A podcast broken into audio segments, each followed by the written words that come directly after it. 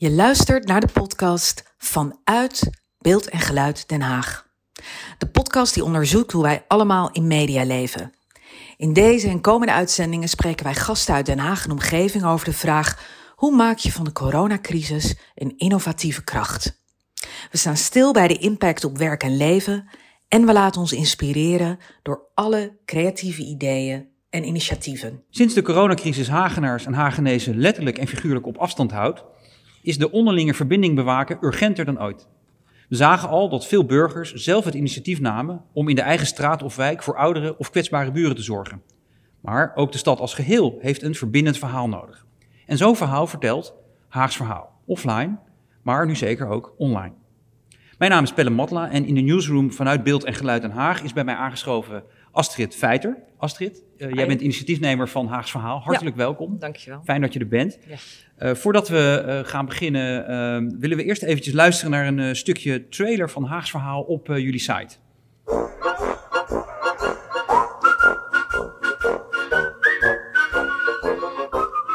Haags Verhaal laat de trots, veerkracht en veelzijdigheid van de stad zien. We gaan als een reizend verhalencircus door de stad. We brengen gemeenschappen samen die elkaar anders nooit zouden ontmoeten. We eten samen soep en we luisteren naar levensverhalen van twee mensen uit die gemeenschappen. Ja, wie, uh, wie horen we hier, Astrid? Ja, dat is Sydney Op de Heide van het Gelukskabinet. Dat zit in de Zeestraat.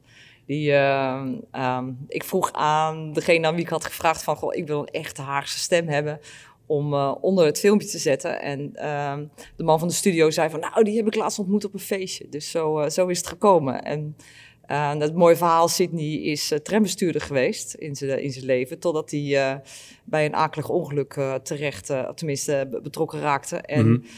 toen heeft hij zijn een leven een andere switch gegeven en heeft hij een winkel in esoterische spullen aan de Zeestraat. Uh, aan de Zoutmanstraat. Zoutmanstraat heet het. Ja, dit is de Zeestraat. Dit is de Zeestraat. Ik zit in het Museum Precies. voor Beeld en Geluid in de Het is helemaal niet zo heel ver hier vandaan. Nee, maar uh, Sydney. Zoutmanstraat, ja, Sydney. Ja, um, inderdaad. Uh, rijk en arm, van links tot rechts. Haags verhaal. Wat, wat is Haags verhaal? We zijn een maatschappelijk initiatief dat werelden in je eigen stad verbindt. doen we door verhalenavonden en een fotoproject dat is eigenlijk in het kort in, in twee zinnen. Zo'n zo pitch moet je dan voorhanden hebben, hè? het Haags verhaal. En, uh, en wanneer ben je het uh, gestart? Um, we zijn uh, eind 2018 echt met de eerste bijeenkomsten gestart. maar al veel eerder ben ik door Den Haag gegaan en heb ik Jan en alle man gesproken om te horen... Wat zou jij willen voor Den Haag als het gaat om een verhalenhuis of zoiets dergelijks? En uh, want dat was eigenlijk mijn eerste idee. Ik wil een verhalenhuis voor de stad hebben. Maar daar zitten zoveel ha haken en ogen aan. En uh, dan moet je echt een huis hebben. En voor je het weet ga je ook over de wc rollen. Uh, mm. Terwijl ik gewoon die verhalen, daar, daar gaat het om. Mensen samenbrengen door middel van verhalen. En Um, nou ja, goed, zo is het verhalenhuis, of tenminste zo is het Haags verhaal uh, begonnen in 2018. Zeg ja, maar. Toen dacht ik van, dan moeten we zoiets gaan doen. Ja, want je, je hebt zelf een, uh, een journalistiek verleden. Hè? Ja. Je bent uh, ja. parlementair verslaggever geweest voor de Telegraaf, een mm -hmm. tijd lang. Ja. En ook redacteur van Opzij. Ja. Um, hoe komt Haags verhaal daaruit voort? Omdat ik daarna uh, debatleider ben geworden en gespreksleider. Ik ben, ik ben bureau, dat heet al mevrouw de voorzitter. En um, ik zag als mevrouw de voorzitter uh, hoe gescheiden de werelden waren. Ik zat op het niveau van de wethouder, uh, zeg maar, strate strategische sessies te doen. Maar ik deed ook aan burgerparticipatie als procesbegeleider. En ik zag hoe ze aan de bovenkant dus dachten dat de wereld eruit zag. En ik zag aan de onderkant, als ik bij die burgerparticipatieavonden was, bijvoorbeeld als het over uh, sociale huisvesting hadden, dan dacht iedereen meteen aan boerkas en aan schotels. Terwijl ik dacht, ja, wacht even mensen, dit klopt niet, weet je. Jullie hebben ook een verkeerd uh, um, idee van Dus die twee werelden die matchten eigenlijk niet? Die werelden matchen niet, maar ook mensen hadden, hebben totaal verschillende beelden over elkaar. Dus ik dacht, ja, als ik dan iets met verhalen wil, laat ik die mensen dan samenbrengen. En dan, uh, want er is volgens mij nog een hele wereld te winnen. Uh, doordat mensen elkaar niet kennen, maar wel een, een oordeel over elkaar hebben of een idee. Mm. En, uh, ja, want waar, waarom vond je het zo belangrijk dat mm, mensen elkaar verhalen gingen vertellen? Ja, we verhalen verbinden enorm. En ik vind het belangrijk omdat ik iets wil doen aan een betere, uh, nou ja, heet, dat heet dan netjes uh, sociale cohesie, maar betere verbindingen in de stad. En ik wil ook iets doen tegen discriminatie. En, uh, en ik wil ook iets doen dat mensen beter mee kunnen doen in de stad. En ik dacht met mijn journalistieke ervaring gecombineerd met wat ik heb gezien en het netwerk dat ik heb, dus echt van hoog tot laag, want ik ben bijvoorbeeld ook actief in het Vadercentrum in mm Laak, um, waar je weer met kwetsbare mannen werkt. Dus dacht ik van nou, ga het gewoon proberen. Je, je, bent verhalenverteller, je bent verhalenophaler, je ja, bent ophaler meer. Ophaler meer ja, je bent vragensteller. Ja, ik ben um, hè, Dus in, in, die zin is het een verlengde van uh, je journalistieke werk, zou je kunnen dat zeggen. Zou, ja, nee, zeker. Die journalistieke, uh, ik zeg ook altijd nog steeds, wat ben je? Dan zeg ik altijd nog steeds, ik ben journalist. Mm -hmm. Bepaalde dat, attitude. Ja, gewoon nieuwsgierig zijn, ja. to the point willen zijn en, en, en ook een soort rechtsvaardigheidsgevoel. Ja. Hoe je het ook wint of keert. Ik, ik heb dat wel gehad. Ja. Dat heb je, dat heb je in je, ja. heb ik in me en dat uh, blijft ook zo. Het doet me een beetje denken aan, uh, aan het project van Joris Luijendijk en de correspondent. Hè? Kunnen we praten? Ja. Uh, daarin probeert hij uit zijn eigen politieke bubbel te stappen en anderen daar ook toe te bewegen. Is dat een inspiratie geweest? Nee, niet eens. Ik moet je eerlijk zeggen dat ik die correspondent, tot mijn grote schande, daar ben ik wel lang abonnee van geweest. Maar dat heb ik op een gegeven moment laten varen, dus ik ken het eigenlijk niet eens. Maar, um, maar je kent dat project wij... wel, of niet? Nee, ik ken het project ook niet okay. eens. Nee, nee, nee. Maar dat is dus een interessant project voor mij om nog eens naar te kijken. ja. Nou ja, eigenlijk wel. Het beetje gaat, hetzelfde. het gaat een beetje over hetzelfde, ja. Hè? Ja, Want wat okay. jullie doen is, uh, jullie brengen gemeenschappen met elkaar in gesprek die, uh, die elkaar anders nooit zouden ontmoeten, hè? las Ja. ik op de site. Hè? Ja. een voorbeeld geven. Bijvoorbeeld uh, hè, de Sociëteit de Witte, toch een nette club Ja. uh, met uh, het Vadercentrum Ja, in met dat gesprek. En. Een Rotary Club met de Chinese Vrouwenvereniging. Dat, dat is dus heel divers. Hoe moet ik me dat nou voorstellen, dat Ja. bij elkaar brengen? Uh, oh, ik gewoon heel letterlijk uh, opbellen, zeggen: Ik heb een idee, zouden jullie mee willen werken? En bij de ene gaat het makkelijk, omdat je daar misschien via via ook nog wel mensen kent. En bij de ander uh, is dat best moeilijk, omdat daar eerst het bestuur over moet gaan. En die, moeten daar, en die hebben pas over een maand weer een bestuursvergadering. En nou ja, dan, wat, je, wat je vooral moet doen, is echt bij de mensen ja, echt verbinding maken. Dus je moet een relatie aangaan met de mensen met wie je dit doet. Dus wij als Haags Verhaal doen het nooit alleen. Die groepen die moeten ook actief meedoen. Want meestal houden we die bijeenkomsten voor corona, hielden we ze nog bij de mensen thuis. Ja. Dus dat betekende dat we bijvoorbeeld bij een bokschool zaten. We hebben een keer een bokschool, eh, bokschool de Haagse Directe met een Tai Chi school samengezet. En toen zaten we in, uh, in de bokschool. Mm -hmm. Maar dan moet je dus naar ze toestappen en zeggen van, goh, ik heb een idee. Uh, nou ja, het verhaal wat ik net tegen jou zei, waarom we het doen, de achtergrond.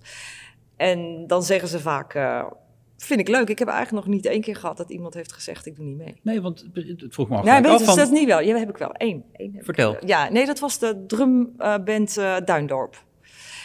En dat begreep ik ook wel een klein beetje, want uh, daar was het me niet om te doen. Want ik wilde graag een brassband en een, uh, een harmonie samenzetten. En ik dacht aan hun.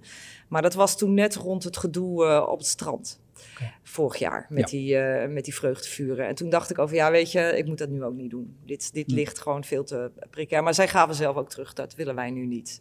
En dat, daar was die gemeenschap gewoon nog niet aan toe. Dus, okay. dat, ja. dus je moet er als gemeenschap aan toe zijn om dit ja. te, te, willen. Maar waarom willen gemeenschappen dit?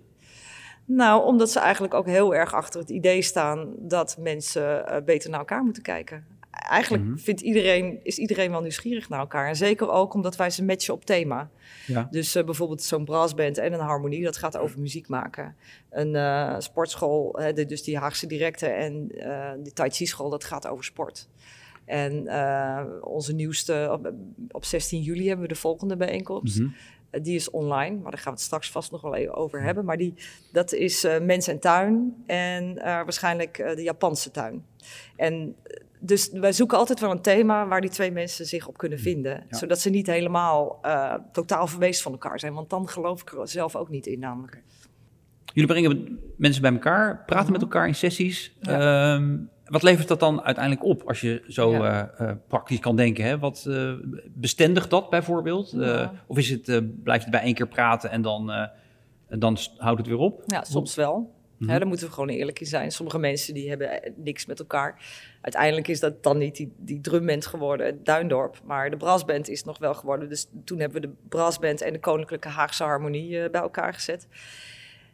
En dat was ook niet alleen het verschil tussen uh, het soort muziek wat ze maakten, maar ook nog eens een generatie uh, ding. Dus dat waren jonge mensen Mhm. en oudere mensen. Nee, dat, dat lag, dan ligt het zo ver van elkaar af. Dat, dat gaat eigenlijk niet. Dus dan zag je ook, daarna gingen ze uit elkaar. En ook tijdens die bijeenkomst, weet je, die werelden lagen zo ver uit elkaar... dat het wel interessant was, daarom. Maar vooral voor de toeschouwers, zeg maar, voor de mensen die daar uh, zaten tijdens het Haagse verhaal. Maar niet zozeer voor die twee groepen samen. Nee. Al zei dan iemand wel daarna nog van de Haagse harmonie van... Uh, Aha. we gaan uh, samen nog een bijeenkomst organiseren. Maar dat gebeurt dan nog niet. Maar soms wel. Ik heb gisteren bijvoorbeeld weer een telefoontje gehad... naar aanleiding van een bijeenkomst die we hadden tussen het straatconsulaat... dat zijn daklozen, en de Haagse vastgoedsociëteit. Na afloop uh, lag daar echt een kans om... nou, om, om, vanuit die Haagse vastgoedsociëteit zeiden ze van ja, wij gaan er heel veel over wonen, maar over dakloosheid zijn we nog nooit gegaan. Dat is eigenlijk raar. En um, wij proberen dan wel om te kijken, als daar dan de mogelijkheid ligt, om dat vuurtje aan te wakkeren. Mhm. Soms lukt dat en soms lukt dat niet. Het, het vraagt wel wat hoor. Aan je, Ja, dat zijn dus eigenlijk, snap ik, eh, een beetje geleide gesprekken of zo? Die, ja, het zijn interviews die wij doen. Dus we, we, twee mensen tegenover elkaar met wat mensen eromheen uit die gemeenschappen? uit die gemeenschappen en ook nog mensen van buitenaf die het leuk Mhm. vinden. Dus mensen die bij het Haags verhaal aangesloten zijn omdat ze een nieuwsbrief ontvangen of zo. Of gewoon mensen die het via social media eh, zien dat wij dat organiseren en die, eh, en die komen dan langs. Mhm. Ja. En met hoeveel zit je dan in zo'n huiskamer? Voor corona, moet ik even Mm, erbij Ja, voor zeggen corona dan zitten we meestal met zo'n 100 mensen. Ja, toch komen niet daarop niks? af. Dat is niet niks. Nee. Ja. En dan koken we soep dus hè, van tevoren. Het liefst de lievelingssoep van de een en de lievelingssoep van de Ja, ander. dat zei Sydney net in de intro, hè? Ja, ja, ja. We eten Dus soep? eh, Ja, wat zeg je? Echte soep? Nee, we eten oh, soep. eten soep, ja. Ja, ook echte soep. Daar kan je dan a- aardig op verkijken, hoe de hoeveelheid, als je dat zelf thuis, want dat doen we dus ook Mhm. allemaal vrijwilligers. Soms sta ik zelf ook nog soep te koken. Die lockdown die ging in hè, op 16 maart. Ja. Eh, wat betekende dat voor het Haags verhaal? Ja, dat wij onze bijeenkomst voor eh, 21 maart af moesten zeggen. Eh, ah, dat was niet eens 21 maart, het zat nog net op het randje. Maar toen dacht ik al van, weet je, dat was 14 maart. Maar toen dacht ik al van, daar gaat niemand op afkomen, want iedereen was al bang. En ehm, toen hebben we het even aangekeken en daarna zijn we toch eh, in een online versie doorgegaan. Oké, Omdat want we dachten van ja, we moeten wel door blijven gaan met dat verbinden. En ook gewoon zichtbaar blijven in de stad. Want je kan wel denken van ja, ik kan nou niks. Eh, maar dan word je ook weer onzichtbaar en dan zak je weg. Ja. En, dat, en bovendien was ik ook wel nieuwsgierig naar die online versie, eerlijk Mhm. gezegd. ja, want hoe hebben jullie dat aangepakt? Wat hebben jullie Ja. verzonnen om die eh, verbinding toch te bewaken? Ehm, je bedoelt die online avonden, hoe zien die eruit? Wij, eh, ja, die, zijn, Ja. die gaan via Zoom, dus dat is via zo'n eh, zo'n beeldbel-ding. Daar kan je met honderd mensen tegelijkertijd in. Ehm, nou ja, zoveel mensen komen er niet op af.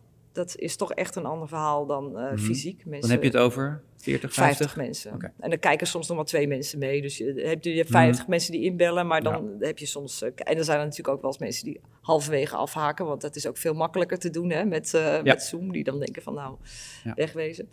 Ehm, maar wat, er, eh, wat we doen is, we hebben een host... die begeleidt de avonden, zeg maar. Die, dus die, dat is een soort talkshow-host. Deborah. Ja, Deborah Cameron. En eh Cameroen, moet ik zeggen. En eh, zij eh, begeleidt ons en ons zijn dan de twee interviewers met de verhalenvertellers. En tussendoor is de interactie via de chat met mensen die kijken. Dus mensen hebben de mogelijkheid om tussendoor vragen te stellen. Hm. En tussen de interviews door komt eh Deborah langs om die vragen op te halen die er dan leven bij de mensen die kijken. Ja, ik heb er eentje opgezocht Oh, ja. nog eventjes. ehm, en ik keek naar een sessie waarin jullie een deurwaarder Oh ja. en een medewerker van eh, Compassie, hè, voor Ja, psychisch kwetsbare ervaringsdeskundige. inwoners Ja, eh, interviewden. Ja, Ja, mensen met een GGZ-achtergrond. ja, precies. Hè? Dus dat zijn nou, best heftige onderwerpen. Eh, maar nou lees je natuurlijk ook overal hè, van, dat ehm, die, die videogesprekken fysiek contact niet, eigenlijk, niet echt kunnen vervangen. Nee. Dat hoe ervaar je dat? Ja, nou, we hadden wel een bepaalde vorm van intimiteit. Dat viel mij echt mee. Dat Mhm. ik dacht van, nou, hè, dat, wat je weet niet wat je... Dat was onze eerste online avond ook. Je weet niet wat er gebeurt. Uh, maar mensen waren toch, in dit geval uh, de deurwaarder Arjan en, uh, en Steven van, van Compassie... die waren toch wel geneigd om... Of geneigd, ze gingen gewoon wel met de billen bloot. Dus uh, dat komt ook omdat je van tevoren een relatie met die mensen hebt opgebouwd. Mhm. Dus uh, uh, we zijn al twee, drie keer bij ze geweest. En dan hebben we nog een keer die interviews. Dus die zijn van tevoren weten wij wel wat er ongeveer speelt, zodat je ook dieper op die vragen in kunt gaan. En zij ook een soort vertrouwensband met je hebben. En daarnaast mist er ook wel wat, want aan het eind van de bijeenkomst toen waren we klaar en dan is er nog zo nazitten en dan blijven nog een paar mensen in het Zoom hangen. Dat is dan wel grappig. En toen vroeg ik ook aan hun van, hebben jullie het nou gemist, het uh, fysieke contact? En uh, ja, zeiden ze toen. Wij, uh, Arjan zei, die deurwaarde, van ik ben wel iemand van de, de huk. En ik had Mhm. Steven heel graag een huk willen geven. Oh, dat is dan toch wel weer mooi, dat hij dat eh Tuurlijk, ja, zo nee, maar dat is zo... sessie zegt. Hè? Zeker. En, en dat was ook anders ook echt gebeurd. En zij hadden zich voorgenomen om samen nog koffie te gaan drinken. En ik weet zeker dat dat wel was gebeurd als het een echte avond was geweest. Maar door die, doordat je toch online gaat en je zet je scherm uit... en je stapt weer meteen in je eigen wereld... En dat, de, de impact is online echt veel minder dan offline. Ja. Ja. Dan zou je wel blij zijn dat er eh, wat versoepeling komt in die Ja. maatregelen. Zeker. Wat, wat staat er bij jullie op stapel? Nou, daar moeten we nog wel heel goed naar kijken, want onze volgende bijeenkomst gaan we toch weer online doen.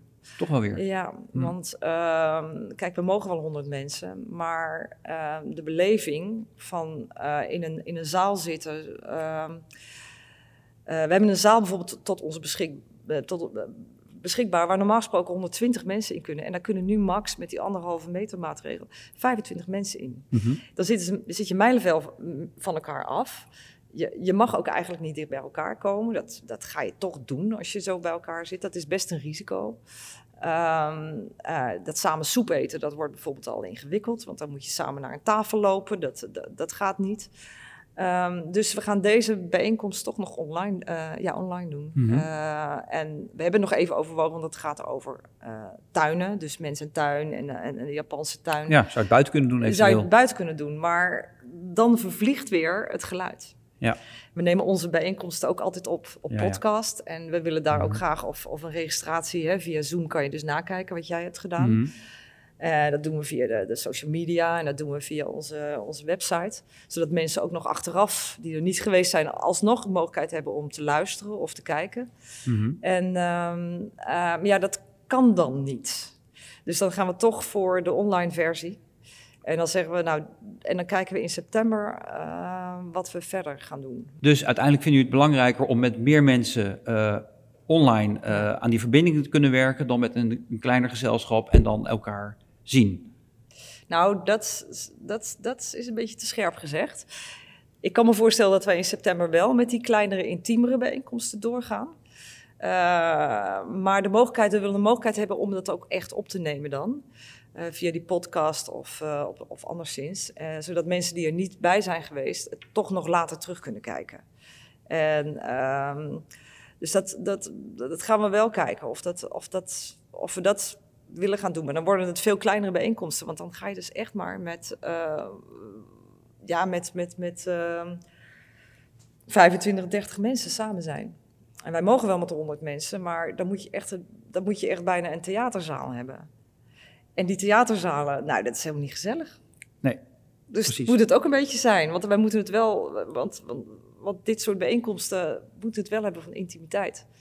En ook van de gesprekken onderling met elkaar. Want anders verbindt, verbindt het nog voor geen meter. Dus Is dat eh, juist nu belangrijk in die coronatijd? Ja, zeker. Ja, zeker. Waarom? Weet je, die sociale cohesie, als je, hè, wat jij ook in je intro zei, eh, corona heeft laten zien dat mensen voor elkaar willen zorgen. Maar dan moet je wel die verbinding hebben. En op het moment dat je dat niet hebt, ehm, eh, niet de noodzaak voelt om voor een ander te willen zorgen, dan ehm, nou ja, vervliegt het. En juist in tijden van crisis zijn mensen toch wel geneigd, en zeker op de lange termijn, op de korte termijn zal het allemaal nog best wel goed gaan hoor. Maar als dit gewoon nog twee jaar gaat duren, en wie weet, dan wordt er wel een heel erg een beroep op ons gedaan van eh, de, hoe sociaal blijf je? Gaan we toch niet voor onszelf? Eh, en nou ja, ik denk dat als je dan als stad niet in je sociale infrastructuur, zoals het dan met nette woorden heet, hebt geïnvesteerd, dat je dan wel, ehm, nou ja, dat je bedrogen thuiskomt. Ja. Omdat het dan veel te kil is in je omgeving. Bijvoorbeeld om een voorbeeld te geven, de Pakistaanse vrouwenvereniging en sowieso de Pakistaanse gemeenschap, die kookt vanaf de hoefkade voor eh, mensen die in de buurt sowieso al armoede hadden, ook al voor corona. Maar zij zeggen door corona is juist die stille armoede echt naar boven gekomen. Mensen hebben durven laten zien van ik heb geen, eh, geen mogelijkheid om eten te kopen. En zij uh, zijn echt dagelijks bezig geweest om 200 uh, voedselpakketten samen te stellen en rond te delen. Dat deden ze in de Ramadan-tijd, maar daarna zijn ze daarmee doorgegaan. Mm -hmm. Nou, dat is natuurlijk prachtig. Maar hoe lang houdt zo'n gemeenschap dat vol? Hè? Soms als ze niet denken van nou, uh, nu is het wel klaar. Ja, dus dat, ja, dat lijkt me natuurlijk ook wel belangrijke boodschappen aan onze nieuwe burgemeester Jan van Zanen. Ja. Uh, hè, waar we zelfs hier in huis een, een project met jullie samen gaan doen. Hè? We gaan hier in huis een aantal wensboodschappen aan de burgemeester opnemen met mensen uit het Haags verhaal. Ja. Wat hoop je dat hij daarmee zal gaan doen? Uh, nou ja, wij komen in de haarvaten van de samenleving, zeg maar, als haarsverhaal. En ik hoop dat de burgemeester wil zien uh, dat die, wat die wensen eigenlijk cadeautjes voor hem zijn. Cadeautjes van de Hagenaars uh, en Hagenezen aan de burgemeester. Die die mag uitpakken en waar hij het zijnde mee kan doen. En ik hoop eigenlijk dat hij in gesprek wil met, met die gemeenschappen. En ik heb al begrepen, ehm, nou ja, dat dat er sowieso een hele open burgemeester is. En uh, dat er serieus uh, naar wordt gekeken of dat ook een mogelijkheid is. Maar dat hoop ik ook dat er echt gebeurt. Dat die, uh, ik zeg altijd, weet je, ik wil ook de, de, met het Haagse verhaal de trots en de veerkracht en veelzijdigheid van de stad laten zien. Want we hebben zo'n rijke stad. En, en daar in, in, alle opzichten. Dus je kan heel veel kanker op allemaal dingen die niet, die niet goed zijn. Mm -hmm. Maar uh, ik ben eigenlijk van de school om te laten zien wat heel erg mooi is. En ik hoop aan de burgemeester op deze manier te laten zien: kijk eens hoe mooi Den Haag is. En hoeveel mooie verschillende ja. uh, mensen we hebben. En Precies. hoeveel wensen er zijn. Ja, ja exact. Dus in, in een videoboodschap uh, van een aantal mensen zal, uh, hè, zal je die aan ja. Jan van gaan aanbieden. Um, heb jij zelf al een wens voor hem in gedachten? Oh, nou ja, ik zou heel graag willen dat hij het belang van het Haags verhaal inziet. En dat ze ook weet je, mijn grote wens is eigenlijk dat ik iets kan doen met het Haags verhaal. Niet alleen om de gemeenschappen onderling beter te verbinden, maar ook om de beleidsmakers met de stad beter te verbinden. Want daar zie ik nog wel eens een probleem. Dus die, die leefwereld en die systeemwereld. Weet je, op het gemeentehuis worden dingen verzonnen voor mensen die echt niet werkbaar zijn in de praktijk. En uh, zeg maar dat, dus niet alleen. Dus ik hoop uh, dat de burgemeester ziet dat, het, uh, uh, nou ja, dat hij ook tegen zijn uh, ambtenaren zegt: Weet je, je moet ook eens gewoon naar dat Haags verhaal gaan. En ja. kijken wat dat is. En geraakt worden in je hart door het levensverhaal van een ander. Want dat echt, mm -hmm. dat inspireert je. Ook in de manier waarop jij in je werk staat. Okay. Iedereen is mens en dat moeten we gewoon af en toe weer eens voelen. Okay. Ja. Nou, ik hoop inderdaad dat hij die boodschap ja. goed, goed, zal begrijpen. Astrid, hartelijk bedankt voor je komst en je verhaal. Graag gedaan. Um, wil je meer weten over Haags Verhaal? Kijk dan op haagsverhaal.nl. Uh, tot zover deze podcast vanuit Beeld en Geluid Den Haag. En uh, dank voor het luisteren. Luister iedere week een nieuwe podcast via onze social kanalen en de website van Beeld en Geluid Den Haag. En als je zelf een podcast wil maken en uitzenden, neem dan contact op. We helpen je graag.